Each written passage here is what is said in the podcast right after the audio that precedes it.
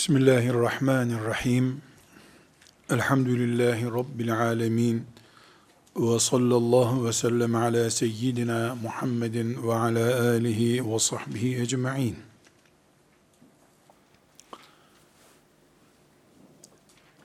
Üzerinde yaşadığımız dünyanın mevcut durumu, dinimiz penceresinden görüldüğünde de, insan olmamız açısından da görüldüğünde nasıl bakarsak bakalım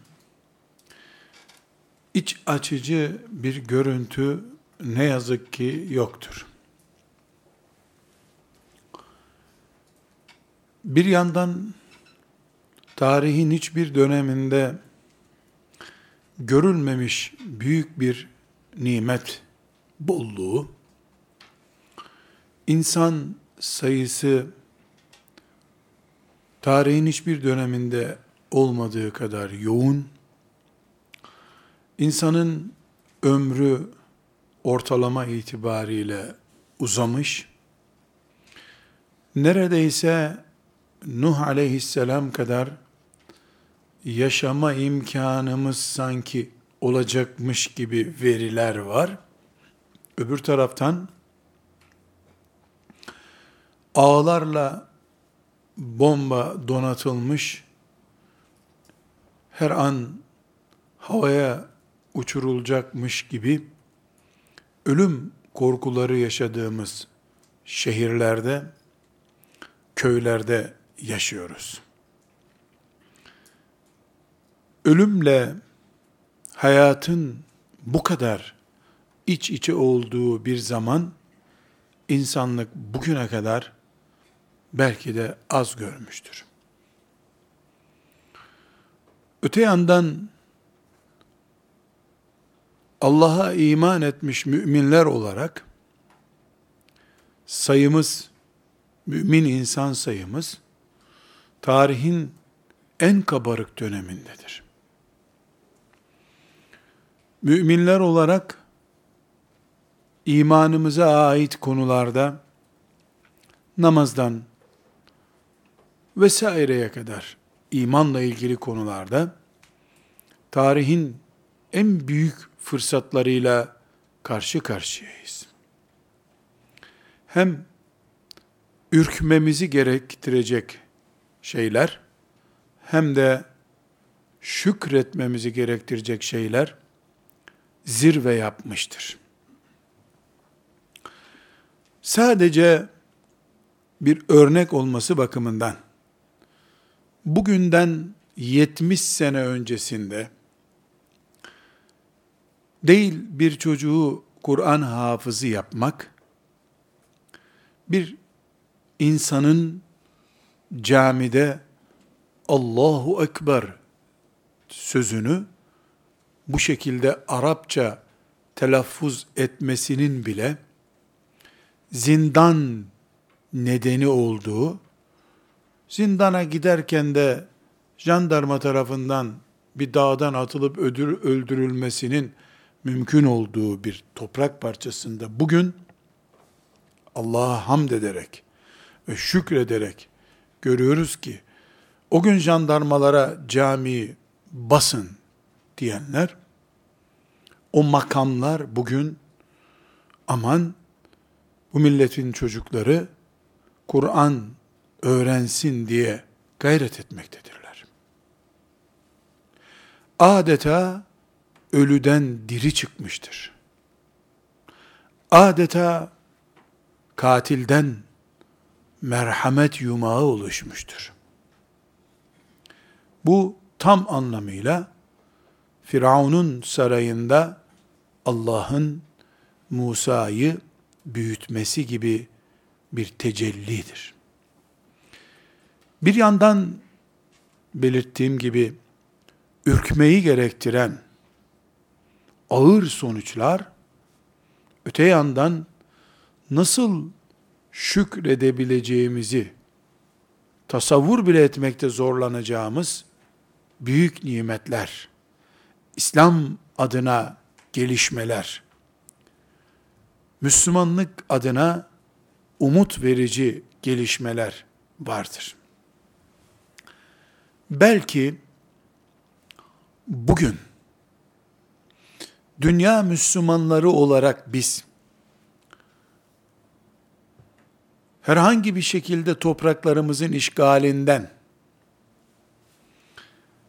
veya aç kalmaktan, Kabe'mizin yıkılmasından daha fazla, daha ağır ve daha içten içe kemiren bir sorun olarak şunu yaşıyoruz. Kendisi namaz kılan, oruç tutan, belki de Kur'an ezber bilen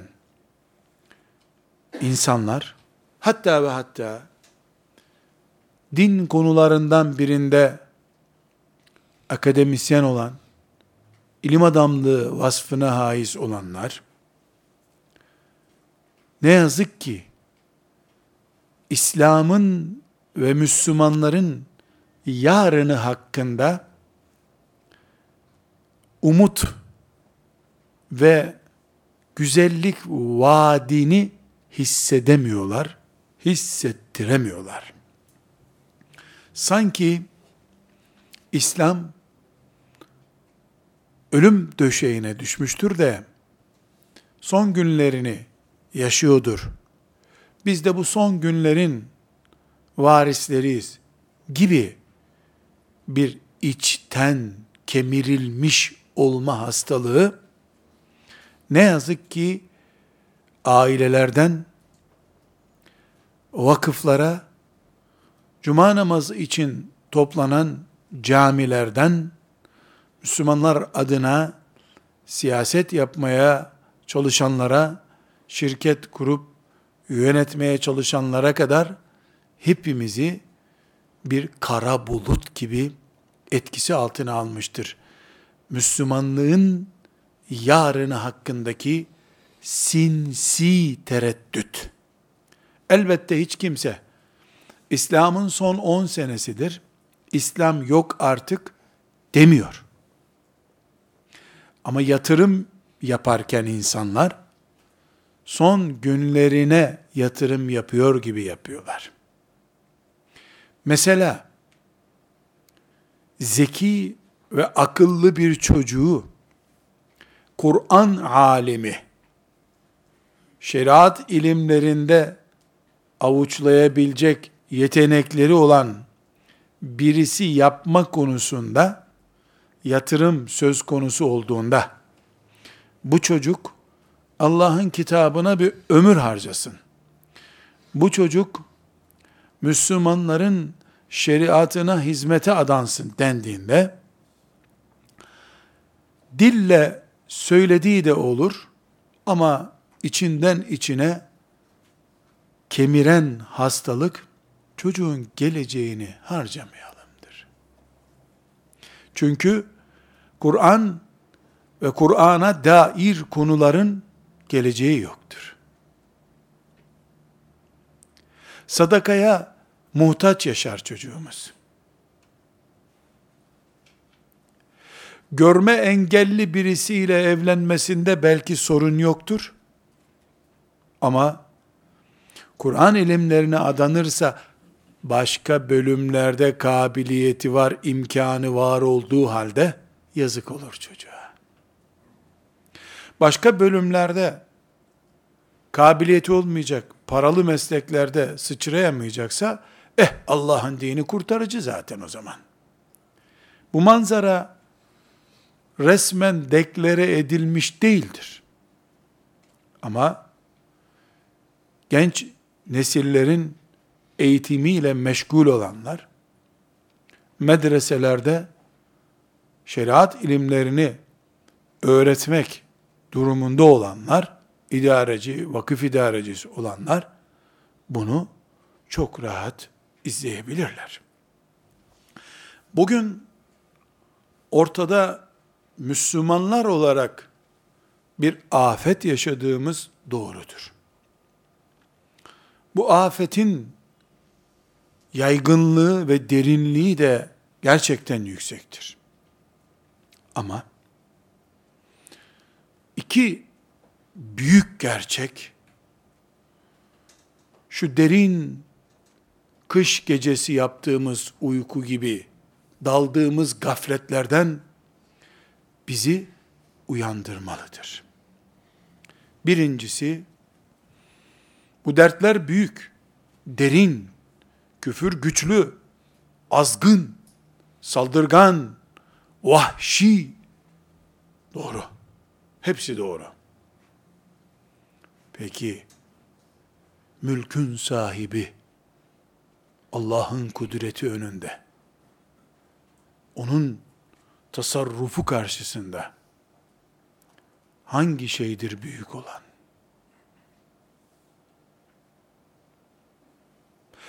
İmanı olan, La ilahe illallah, Muhammedur Resulullah diyen bir insan, Allah izin vermediği halde, küfür eziyor İslam'ı diyebilir mi? Derse mümin olabilir mi?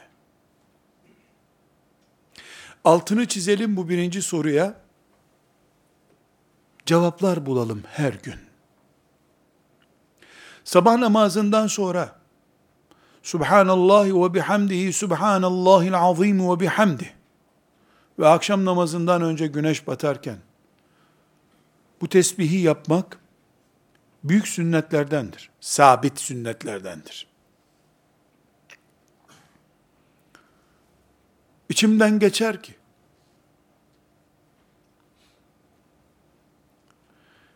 üç aylığına bu sünneti icra eden yani sabah namazından sonra ve akşam güneş doğmadan önce tesbihi eline alıp yüz defa Subhanallahi ve bihamdi Subhanallahil azim ve bihamdi diyenler bu tesbihe bir ara verip dönüp de sabah namazından sonra camiden çıkarken gökyüzüne bakıp ey Allah'ım ma halakte haza batıla senin yaptığın işte yanlışlık olmaz. Sen dilesen küfre nefes aldırtmazdın. Bu olanlar hep senin izninledir. Ben senin büyüklüğüne teslimim Rabbim diye içinden yüz defa tesbih yerine bir kere bu hissiyatı geçirse, daha büyük sevaplar kazanırdık. اَلَّذ۪ينَ يَتَفَكَّرُونَ ف۪ي خَلْقِ السَّمَاوَاتِ وَالْاَرْضِ Göklerin ve yerin yaratılmasındaki derinlikleri düşünenler diyor Allah. Yerdeki derinlikler, yerdeki hikmetler, yerdeki Allah'ın kudreti sadece kavak ağaçlarının büyüğü olması mıdır? Kızılırmağın, Nil Nehri'nin coşmuş suyuyla akması mıdır derinlikler Allah'ın hikmetleri? Nil Nehri'ni şu kadar senedir kan renginde akıtıyor küfür, Firavun'un bu asırdaki çocukları. Mescid-i Aksa'nın etekleri yetimhaneye döndü. Bu yeryüzünde Allah'ın kudretlerinden bir kudreti değil mi? Onun izniyle olmuyor mu? Eğer yaptığımız tesbihat bizim bu tefekkürümüzü engellemek için bir sebep oluyorsa asıl düşünmemiz gereken Allah'ın kudretini tefekkür etmemiz gereken noktalardan bizi geri çekiyorsa o tesbihatın bir yararı yok. Bir kere Allah'ın bütün küfürden, ebedi ve ezeli bütün küfürden, iblisin kurduğu ve kuracağı bütün şer odaklarından daha büyüktür bile denemeyecek kadar büyük olduğunu, büyüklük küçüklük oranlaması bile yapılamayacak kadar. Hani trilyonda biridir desek o bile doğru bir rakam değil. Küfür, şirk, tuğyan, nedir ki Allah'ın mülkünde ve kudretinde şu kadarıdır Allah'ın gücünün diyeceğim ben yarını olmayan, yarın çöküp helak olmaya aday bir güç, ezeli ve ebedi olan Allah'ın karşısında rakamsal bir nitelikte bulunabilir mi? Keşke bir kere Allah'ın kudretinin azametiyle, mevcut küfrün, şirkin, teknolojisi, internetin ne melaneti varsa, tamamı karşısında Allah'ın büyüklüğünün ne olduğunu bir kere anlasaydık, belki kanatlanıp, balon olup göklere kadar, arşa kadar yükselecektik. Bugün muhtaç olduğumuz en temel, en acil, en kurtarıcı sorulardan biri ve cevabı budur. Allah'ın büyüklüğü, kudreti karşısında küfür nedir? Nedir küfür?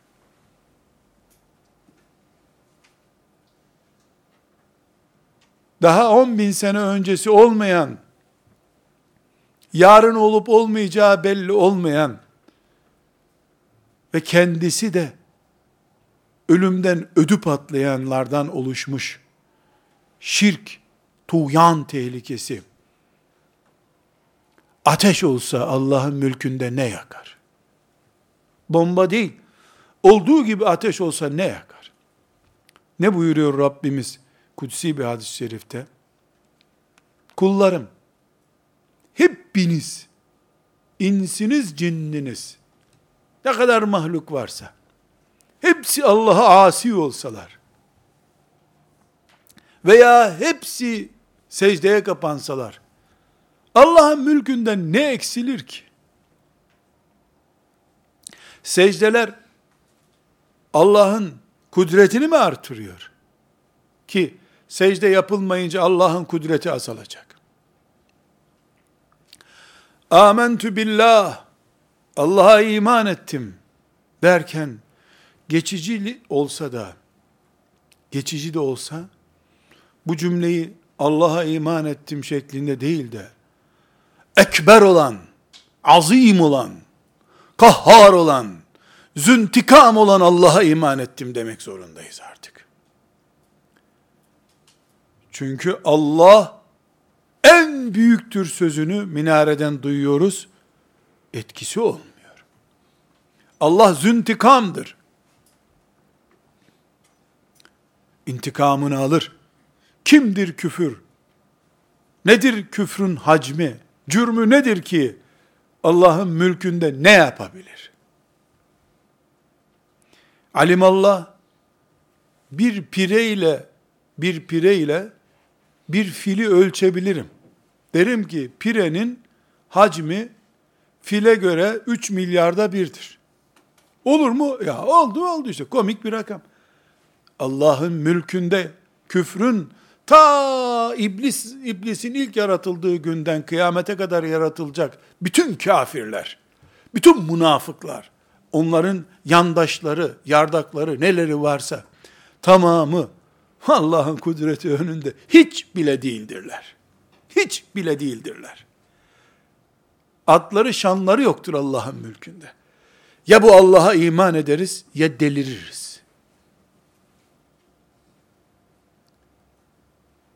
Ya Allahu Ekber diyeceğiz. Allahu Ekber, Allah büyüktür demek değildir. Allah büyüktür sözü, tercümesi değildir tekbirin. Allah en büyüktür. Allah büyüktür dedin mi, büyükler arasında bir büyük demiş olursun. Allah en büyüktür. Karşısında büyüklük kelimesini kullanabilecek başka bir mahluk yoktur. Allahu Ekber. Benim Rabbim kahhardır. Azizdir. Züntikamdır. İmanımız böyle olmalıdır. Birinci soru bu. Allah'ın kudreti karşısında küfrün kapasitesi nedir? Hacmi nedir? Tuğyanı nedir? 7 yaşındaki çocuktan korkan Yahudi ordusu nasıl Allah'ın şeriatını ezebilir? 2. Elimizdeki Kur'an zor zamanlarımızda kılavuzumuz olmayacak da ne zaman kılavuzumuz olacaktı bizim? Neden elimizdeki Allah'ın kitabı Kur'an'a rağmen biz saçımız dökülecek, stresten çatlayacak, gözümüz kararacak, ayağımız sürçecek hale niye gelelim ki biz? Kur'an yüreklerimizde şifa olması gerekirken Kur'an adamıyız diye stres yaşar mıyız biz? Kur'an stresin, sıkıntının, darlığın yegane ilacıdır. Biz Kur'an devleti, Kur'an hayatı istiyoruz diye bunalır mıyız hiç? Bu sorunun cevabını bulmamız gerekiyor. Öyle Kur'an bize yeter. Mealinden okuyalım demekle olup bitmiyor. Kur'an bizim hayatımızken ölme ve çökme nedenimiz nasıl olur? Asırlardır insanlığın kurtarıcısı ve geleceğin umudu olan Kur'an, bizim elimizde pili bitmiş bir fenere mi dönecek? Maazallah. Maazallah. O zaman nedir bu Kur'an'la aramızdaki iletişim sorunu? Neden Kur'an ölü diriltir bir kitap olduğu halde bizi diriltmiyor, bize yetmiyor. Bunu da her sabah sormak zorundayız. Her sabah. Burada kardeşlerim, Kur'an alimi olmamız gerekmiyor. Elbette Kur'an alimi bir nesil de bulunsun. Ama buradaki sorun, Rabbimizin kitabının önümüzü aydınlatacak enerjisi olan bir kitap olduğu halde, bizim Kur'an'a itimadımızda sorun olması sorunudur. Görünüşte Kur'an kitabımız, tartışma yok. Ama Allah buyurdu ki sözünden sonra buyurduysa öyledir. Ben bilmem başka türlüsünü. Böyledir. Allah güneş yerdedir dedi diyelim. Kaldırdım kafamı, güneş yukarıda, yerdedir o. Demek imandır. Böyle iman edenler Allah'ı yanlarında buldular. İmanında bu noktayı yakalayamayanlar ise varlık içinde yokluk yaşadıkları için bunaldılar. Dar boğaz oldular. Hepimiz bugünden itibaren müfessir olalım, Kur'an'ı derin derin öğrenelim diyemiyorum. En azından körü körüne, körü körüne şunu diyelim. Kur'an bana yeter. Boğuluyorsun, son anda yeter. Ya o kimseye yetmedi, yeter. Su katıdır, taş sıvıdır. Böyle. Kur'an böyle dediyse böyle. Diyecek teslimiyet gerekiyor. Önünde diz çökmüş Kur'an'a iman edişi diz çökmüş, alnını toprağa koymuş Müslüman olmamızı gerektirdiğine göre Kur'an'a böyle bakacağız. Haşa, haşa. Namaz kılan insanlar olarak Kur'an'a imanımızda eksiklik var. Haşa öyle demiyorum. Konuşanımız ve dinleyenimiz dahil hepimiz için bu düşüncenin daha kalitelisi var. Daha bağlayıcısı var. Daha güçlü etki edeni var demek istiyorum. Şimdi güzel kardeşlerim, bugün bir deneme yapacağız. Hacer suresinin son ayetlerini bu mantıkla, bu bakış tarzıyla okuyacağız. Gayemiz ne? Gayemiz Rabbimizin kitabının gönüllerimize su serpmesini sağlamaktır. Elbette Kur'an sadece Hicr suresinden ibaret değildir. Hicr suresi de 100 ayete yakın ayeti var. Hadi diyelim biz burada 15 ayetini okuduk. Ama bir sıçrama noktası, bu düştüğümüz bataklıktan bir sıçrama noktası olsun istiyorum. Ben bilmiyorum ama Kur'an'ım bana yetecek demiş olmak çok bildiğimiz halde varlık içinde yokluktan ölmekten iyidir. Kur'an'ımıza teslim olmalıyız.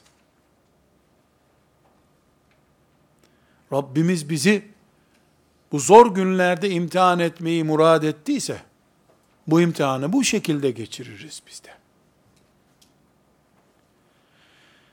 Burada hepimizin bildiği bir hakikati not olarak zihnimize koyalım. Bu surenin bu mübarek ayetlerini daha iyi anlarız. 23 yıl Resulullah sallallahu aleyhi ve selleme Kur'an indi. İnsanlığın içinde 23 yıl peygamber olarak bulundu. Sallallahu aleyhi ve sellem Efendimiz. Bu 23 yılı bir kelimede özetleyecek olsak, o kelime imtihan kelimesidir. İmtihan. Ya Mekke'deki baskı, işkence, hicret, tehdit, sürgün, ölüm, yaralama gibi şeylerden söz edeceğiz o 23 yılda. Ya yeni Müslüman olan insanların, geçen sene Müslüman olanların aile sorunu, fakirlik sorunu, ticari sorunları, mescitte Peygamber aleyhisselamın önünde çıkardıkları sorunlar, iç sorunlardan söz edeceğiz. Veya ateşler içinde kıvranıp, eziyetler içinde Rabbine gitmeye çalışan peygamberden söz edeceğiz. Hasta peygamber. İki gün bir hurma ağacının altında ailece piknik yaptığı bir günü olmadı 23 senede. Rahmeten lil alemin olarak gelmiş peygamberden konuşuyoruz. 48 saat yeni evlendiği hanımıyla torununu kucağına alarak veya arkadaşlarından birine şöyle güzel bir çay demleterek bir hurma ağacının altında piknik yaparken göremedik o peygamberi. Bugün kendimi namaza ayırdım. Dostlarım, meşgul etmeyin beni diyerek namaza doyabileceği günü bile olmadı. Namaza.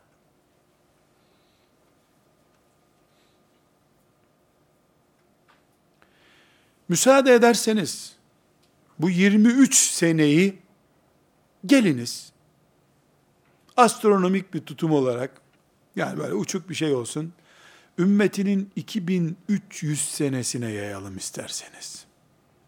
Rahmeten lil alemin bir peygamberin Cebrail aleyhisselamın gelip gittiği bir ortamda 23 senesi imtihandan başka bir kelimeyle özetlenemiyorsa, ümmetinin 2300 yıllık geleceği de o demektir.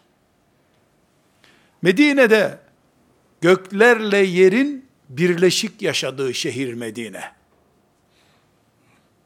Melekler hurma ağaçlarının dallarından arşa kadar kuşattılar Medine'yi. 10 yıl. Hala da öyledirler büyük ihtimalle. O şehirde imtihandan başka anlatılabilecek bir kelimenin bulunmadığı bir hayatı yaşayan Peygamber aleyhisselamın ümmetinin bu dünyadan ne beklediği 2300 senelik gelecek seneyi yani onu biz 23'ü 100 ile çarpalım. 2300 senesinin ne olacağı belli değil miydi? Kur'an aynı, iman aynı, cennet aynı, insanlar aynı, sonuç farklı mı olur? Aklımızı kullanmamız gerekmiyor mu bizim? Gelecek 2300 senesi, 4500 senesi bellidir Resulullah sallallahu aleyhi ve sellem. İmtihan, imtihan, imtihan.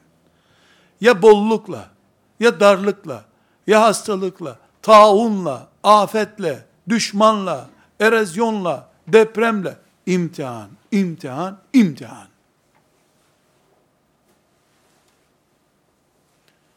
O 23 yıl içinde ne varsa onu küçültülmüş şekliyle alırsınız. Kendisinden 400 sene sonraki hayata koyun. O 23 yıldan bir yarım saatine uyuyordur orası muhakkak. E Mekke'nin fethini gördü. İstanbul'un fethini de gördük. Mekke'nin fethinden sonra ne gördü?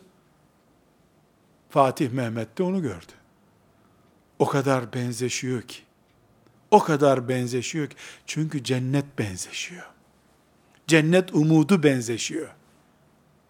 Cehennem tehdidi aynı. Bu kavramları bu şekilde düzeltirsek bizi haber bültenleri çökertemez Allah'ın izniyle. Biz tank paletlerinin altında bile ölmeyiz. Bu iman, bu ruhu sahiplenebilirsek. Peygamber aleyhisselam efendimizin bilhassa hicret öncesindeki Medine'ye hicretten önceki yılları artık bu eziyetlerin zirveye çıktığı yıllar oldu. Bildiğiniz gibi hüzün yılı dendi mesela. Boyunların büküldüğü sene oldu. İşte bu dönemlerden birinde Allahu Teala Hicr suresinin bu ayetlerini indirdi. Kime? Amcası ölmüş, destek yok. Eşi Hadice anamız radıyallahu anha ölmüş, hiç savunacak kimsesi yok. En yakın dostları hicret etmişler. Damadı da kızını alarak hicrete gitmiş. Dayılarına gitmiş, beni savunun taife demiş, git işine demişler. Senden başka Allah kimseyi bulamadı mı, seni niye gönderdi demişler. Yalnız, yalnız. Saldırıların rakamsal işareti bile yok ortada. Yani 100 saldırı, 200 saldırı da değil. Ayetlerin kendisinde göreceğiz. Ruhu daralmaya başlamış. وَلَقَدْ نَعْلَمُ اَنَّكَ يَض۪يكُ صَدْرُكَ Göğsün daralıyor görüyoruz ey peygamber diyor. Göğsün daralıyor diyor. Ayet. Göğsü daralmaya başlamış. Kesinlikle şu yaşadığımız son 23 sene bize mini fethi işaretleri vermiş olmasına rağmen çoğalan camilerimiz, açılan kurslarımız, imam hatiplerimize rağmen o 23 senenin bu tarafa taşınmış bir görüntüsüdür. Ya 7. senenin 3. ve 5. ayına benziyordur ya 13. senenin 15. senenin 6. ayıyla 9. ayına benziyordur. Kan tahlili gibi. Bu son 10 seneyi alın, 23 yılın içinde bir haftaya, bir aya benziyordur o muhakkak. Kuş bakışı bakmayı becerebilirseniz. O zaman Allah Azze ve Celle peygamberine ayetler indirdi. Yusuf suresi hüzün yılında indi. Hicr suresi indi. Kur'an horlanıyor. Parçalanmaya çalışılıyor. Peygamber aleyhisselamın mübarek cesedine taarruz edilmeye çalışılıyor. Ashab-ı kirama nefes aldırılmıyor. Ve yüzde yüz bugüne benzeyen bir boyutu büyük bir propaganda altında tutuluyor ashab-ı kiram. Nefes aldırtmıyor müşrikler. Böyle bir dönemde Allah çare gösteriyor. Bir. iki. Başta Resulullah sallallahu aleyhi ve sellem ve yanındaki ashabı Allah onlardan razı olsun. Bu ayetleri dinlediler. Dondurma yalar gibi yaladılar bu ayetleri. Hiçbir şey olmamış gibi hayat önlerinde toz pembe oldu. Niye? Bu ayetleri bir bakalım hele oku Hafız Efendi bir bakalım diye okumadılar. Dinlemediler. Allah kararını açıklıyor diye dinlediler. Kıyamete kadar bakalım bu konuda ne diyor müfessirler diye dinleyecek olanlar hiçbir şey anlayamayacaklardır. Ama Ebu Bekir radıyallahu anh'ın Enes İbni Malik'in Übey ibn Ka'b'ın Ali bin Ebi Talib'in radıyallahu anhum dinlediği kulakla dinleyenler sabah güneş doğmuş da herkes işine gücüne gidiyormuş gibi o ayetlerden sonra hayata yeniden start verip yollarına devam ederler. Ve bu ayetlerde tefsirden okumayı gerektirecek hiçbir şey yok. Hiçbir şey yok. Her müminin Arapça biliyorsa Arapçasından, Arapça bilmiyorsa Türkçe mealinden okuyup anlayacağı konular. Allah birdir der gibi konuşuyor. Ama oturup sabah namazından sonra tesbih yapmaktansa şu göklere bir bakayım. Bir bakayım şu göklere. Ey Rabbim sen bunları boşa yaratmazsın. Diyen adamlar bundan bir şey anlarlar şüphesiz. Keşke kadınlar. Yasin toplantısı. Bilmem ne tesbihat toplantısı diye. Bid'at bile olup olmadığı belli olmayan bir toplantıyı her hafta toplanacak yerde. Senede bir defa toplanıp bu ayetleri okuyup ardından da ey Allah'ım tam buyurduğun gibisin. Biz teslimiz. deseler onların tuttuğu bulaşıklı tabaklar bile tesbih olur onlar için artık. Tesbihe döner, kendileri tesbihe döner. Hicr suresinin bu mübarek ayetlerini ruhlarımıza serin bir su gibi akıtalım. Şimdi bu ayetleri dinleyelim, tefsirini dinleyelim, mealini dinleyelim. Sonra da 24 saat geçmeden Kur'an'ımızın bir sayfasına bile tekabül etmeyecek kadar olan kısa bu kadar 10-15 satırlık bir ayetini Fatiha-i Şerife gibi ezberleyelim. Haberler izlendikten sonra, cep telefonumuza kötü kötü haberler geldikten sonra, İbn Abbas olup, Hicr suresinden okuyalım. Bizi delirtmeye çalışan şeytana, ok atar gibi Hicr suresinden ayet atalım. Ey iblis! Senin medyan var ve beni ezmek istiyorsan benim de Allah'ım var. Seni de o yarattı. Medyanın kullanıcılarını da o yarattı. Beni de o yarattı ve ben Allah'a sığındım. benim Allah'ım işte kendisini tanıtıyor der gibi şifa niyetiyle kulağımızda küpe, dilimizde sakız gibi yapışmış olarak onun bunun sözleri yerine Rabbimizin kitabını okuruz biz de. Tamamını bilmesem de Hicr suresinden bildiğim 10 ayet benim ayağım yerde biiznillah alnım arşın gölgesindedir. İman budur kardeşlerim. Ashab-ı kiram böyle iman ettiler. Allah onlardan razı olsun. Böyle iman ettikleri için internetten duydukları bir habere göre beyinleri çökmek değil, mızrak arkasından girdi, iki metrelik mızrak demir.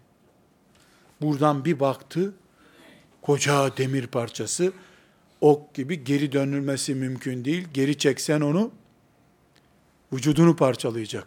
Alıp öteye götürsen iki metrelik demir vücudundan geçecek. İkisi de ölüm. Tuttu, fuztu ve rabbil ka'be dedi. Kabe'nin Rabbine yemin olsun kazandım ben dedi. Ne bu ya? Haram bin Milhan radıyallahu anh. Ne kazanıyorsun sen? Hicr suresi görmüş, o eğitimi almış, aşılı sahabiydi de ondan. Aşılıydı, demir oksitinden zehirlenmedi. Aşı aşı. Kur'an ayetleriyle aşılanmıştı çünkü. Aynı Kur'an elimizde elhamdülillah. Elhamdülillah. Şimdi kardeşlerim, bu aşıyı Rabbimin lütfu ve keremiyle hepimiz yapılmak üzere, aşı yapılmak için, hani kollarımızı sıvazlıyoruz ya doktorun önünde aşı olmak için, şimdi kulaklarımızı sıvazlayalım. Kulaklarımızdaki toz perdelerini bir kenara atalım. Rabbimizin kitabında ne buyuruluyor bir bakalım. İnşallah dersimizin sonunda Hafız Abdüssamet'ten ayetlerin okunuşunu da dinleyeceğiz. Ben heyecanımızı oraya da saklayalım istiyorum. Ama teberruken aşıyı orijinal haliyle, doğal haliyle almamız için hızlı bir şekilde ayetleri okuyayım. Ondan sonra da inşallah mealine bakacağız. Daha sonra da yetmez bu kadar. Rabbimin buyurduğu kelimeleri, kullandığı lafızları Arapça da bilsem, Çince de bilsem, Rusça da bilsem, Türkçe de bilsem, hiç Arapça bilmiyor da olsam, öğreneceğim inşallah. Azmimiz budur. Neden? Çünkü bu ayetler, orijinal kelimeleri kendileri kadar ağır, anlamları kadar ağır. Ama ne zaman indiğini tekrar hatırlıyoruz göğsü daralmış peygambere bu ayetler okundu. Annesi babası Ebu Cehil tarafından zıt tarafa giden iki deveye bağlanmış bir şekilde hançerlenerek, vücudu parçalanarak öldürülen Ammar'ın dinlediği ayetler bunlar. Kırbaç yiyen Bilal'in dinlediği ayetler bunlar. Bu ayetlerin yüzde yüz aşısı tuttuğu, yüzde yüz Allah'a götürdüğü denenmiştir. Denenmiştir. Euzu billahi mineşşeytanirracim. Bismillahirrahmanirrahim. وما خلقنا السماوات والارض وما بينهما الا بالحق وان الساعه لاتيه فاصفح الصفح الجميل إن ربك هو الخلاق العليم. ولقد آتيناك سبعا من المثاني والقرآن العظيم. لا تمدن عينيك إلى ما متعنا به أزواجا منهم. ولا تحزن عليهم. واخفض جناحك للمؤمنين. وقل إني أنا النذير المبين. كما أنزلنا على المقتسمين. الذين جعلوا القرآن عظيم فوربك لنسألنهم أجمعين عما كانوا يعملون فاصدع بما تؤمر وأعرض عن المشركين İnna kefeynâkel müstehzi'in. الذين يجعلون مع الله إلها آخر فسوف يعلمون ولقد نعلم أنك يضيق صدرك بما يقولون فسبح بحمد ربك وكن من الساجدين واعبد ربك حتى يأتيك اليقين Sadakallahul azim. Şimdi kardeşlerim, mealini dinliyoruz. Keşke Arapçasından, Cebrail'in getirdiği standartlarda anlayabilseydik. Ama inşallah, kelimeleri üzerinde bile derin düşündükten sonra onu da anlayacağız Allah'ın izni ve lütfuyla. Bilal'in kırbaçlar altındayken kalbi nasıl rahat ediyordu ise biz de aynı aşıyı olunca o rahatlığı yakalayacağız Allah'ın izniyle. Üzerimize ağrı dağını oturtsalar iznillah çıldırmayız. iznillah çıldırmayız. Allah Bilal'i korudu da bizi korumaz mı? Sümeyye'yi kabul buyurdu da bizim kızlarımızı kabul etmez mi Allah? Aynı Kur'an'a iman ediyoruz. Aynı cennetin peşinde koşuyoruz. Elhamdülillah. Şimdi göğsünün daraldığını anlıyoruz ey peygamber.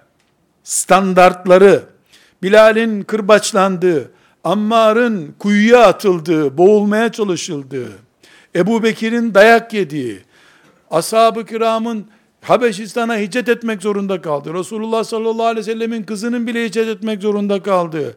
Dayılarına yardım istemek için gittiğinde Allah senden başka peygamber gönderecek adam bulamadı mı diye hakaret gördüğü bir zamanda yeni kesilmiş bir hayvanın enkazının getirilip de namaz kılarken üzerine atılmaya çalışıldığı bir zamanda Resulullah sallallahu aleyhi ve selleme Allah dünyanın nasıl döndüğünü ve bir gün nasıl döneceğini gösteriyor.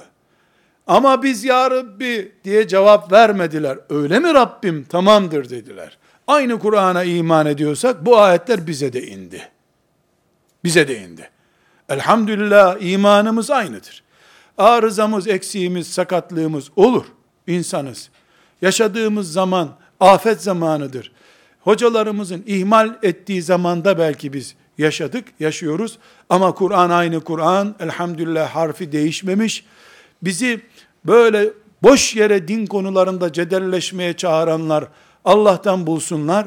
Keşke Kur'an'ımızı bu şekilde hazmede de aşı yapar gibi bizim zihinlerimize, kalplerimize, beyinlerimize yerleştirselerdi. Şimdi hızlı bir şekilde mealini dinleyelim. Tekrar döneceğiz şüphesiz. Kim buyuruyor? Allah buyuruyor. Kur'an'dan dinliyoruz. Biz gökleri, yeri ve ikisinin arasındakileri elbette bir anlam ve amaca göre yarattık. Kıyamet mutlaka kopacaktır. İşte bu sebeple sen onlara iyi davran. Şüphesiz senin Rabbin tam ve mükemmel biçimde yaratan, her şeyi gerçek mahiyetiyle bilendir.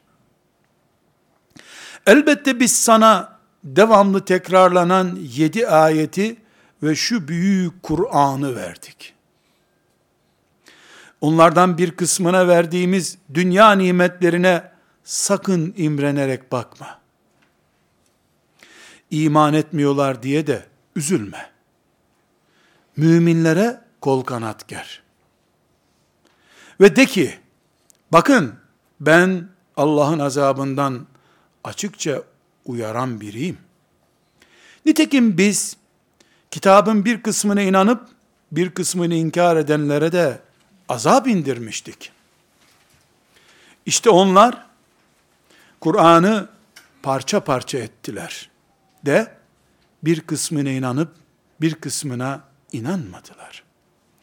Rabbine yemin olsun ki elbette biz onların hepsini hesaba çekeceğiz. Ve yaptıklarının hesabını onlara elbette soracağız. Sana emredileni açıkça söyle.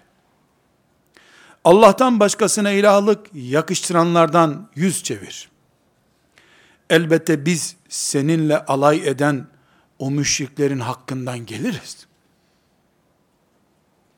Onlar Allah'tan başka bir ilah daha bulunduğunu kabul edenlerdir. Ama yakında başlarına gelenleri öğreneceklerdir. Onların söyledikleri yüzünden göğsünün daraldığını elbette biliyoruz. Ama sen Rabbine hamd ederek tesbih et ve secde edenlerden ol. Ve sana ölüm gelinceye kadar Rabbine kulluk et. Tekrar geri dönelim. Alim olmayı gerektirecek bir mefhum yok ayetlerde. Şimdi izahına bakarak tekrar geri gelelim. Biz gökleri, yeri ve ikisinin arasındakileri elbette bir anlam ve amaca göre yarattık. Gökler, güneş vesaire, yer, dünya. İkisinin arasında kim var? Müminler, müşrikler, hayvanlar, cinler, dağlar. Senin Allah'ın her şeyi bilerek ve hesapla yaratan bir Allah'tır. Tesadüfen defolu çıkmadı müşrikler. Allah murad etti de Kabe'nin dibinde cehenneme taş olarak yaşadılar.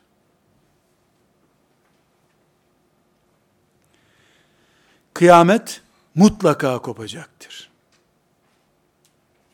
İşte filan seçimden sonra Müslümanların rahat edeceğini zannedenlere Allah'ın cevabı. Hesaplaşma seçim sandığında değildir. Kıyamettedir. Seçimdi, yatırımdı, vakıftı, cami açmaktı, medrese açmaktı, nesil yetiştirmekti. Allah'ın dünyaya biçtiği ömre göre bir soluk bile değil.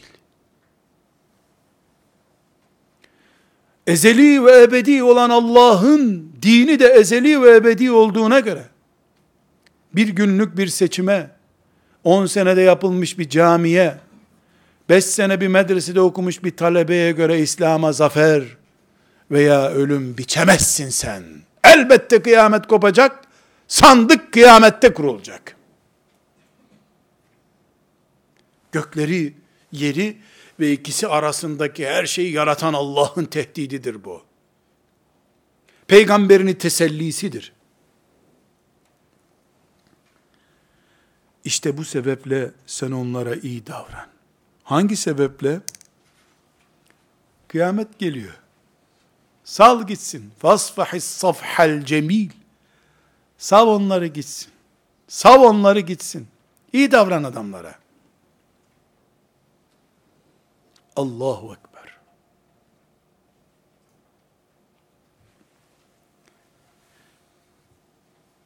Şüphesiz senin Rabbin tam ve mükemmel biçimde yaratan her şeyi gerçek mahiyetiyle bilendir. Bir yanlışlık yok Allah'ın işinde. Hiçbir yanlışlık yok. Elbette biz sana devamlı tekrarlanan yedi ayeti ve şu büyük Kur'an'ı verdik. Allahu Ekber. Kardeşlerim, El Fatiha cenaze duası.